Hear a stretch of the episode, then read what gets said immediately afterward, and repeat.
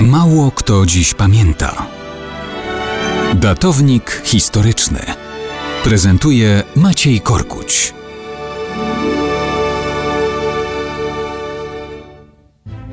Mało kto dziś pamięta, że 12 listopada 1793 roku Jean-Sylvain Bey uzyskał pewność, że nic nowego już nie odkryje. Bey był sławnym francuskim astronomem.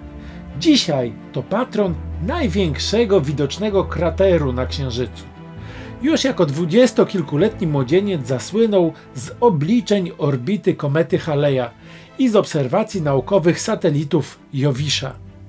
Był w czasach Ludwika XVI autorem monumentalnej pięciotomowej historii astronomii.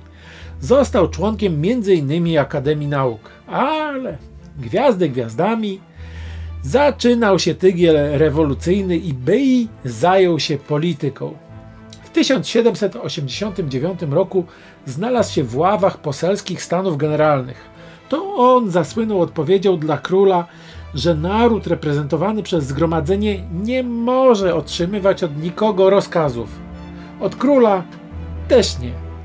Po wybuchu rewolucji Bey zostaje wybrany merem Paryża. Mimo wszystko początkowo wydaje się, że to będzie rewolucja z królem, a nie przeciw królowi.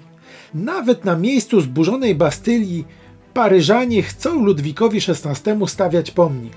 Bei jest wtedy u szczytu popularności, ale czas biegnie. Rewolucja nabiera tempa. Mer Paryża staje się przedmiotem krytyki już rok później.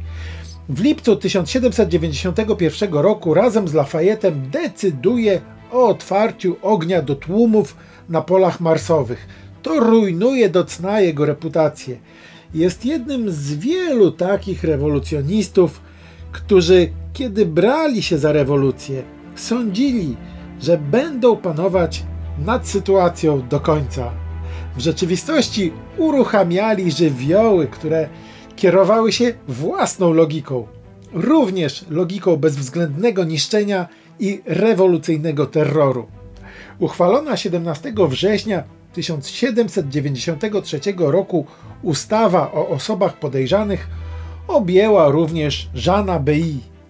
Stąd jako podejrzany 11 listopada 1793 został skazany na śmierć, a 12 listopada został publicznie zgilotynowany. W ten sposób rewolucja sprawiła, że BI, mając nad sobą śmiercionośne ostrze 12 listopada, wiedział na pewno, że w gwiazdach niczego już nie odkryje.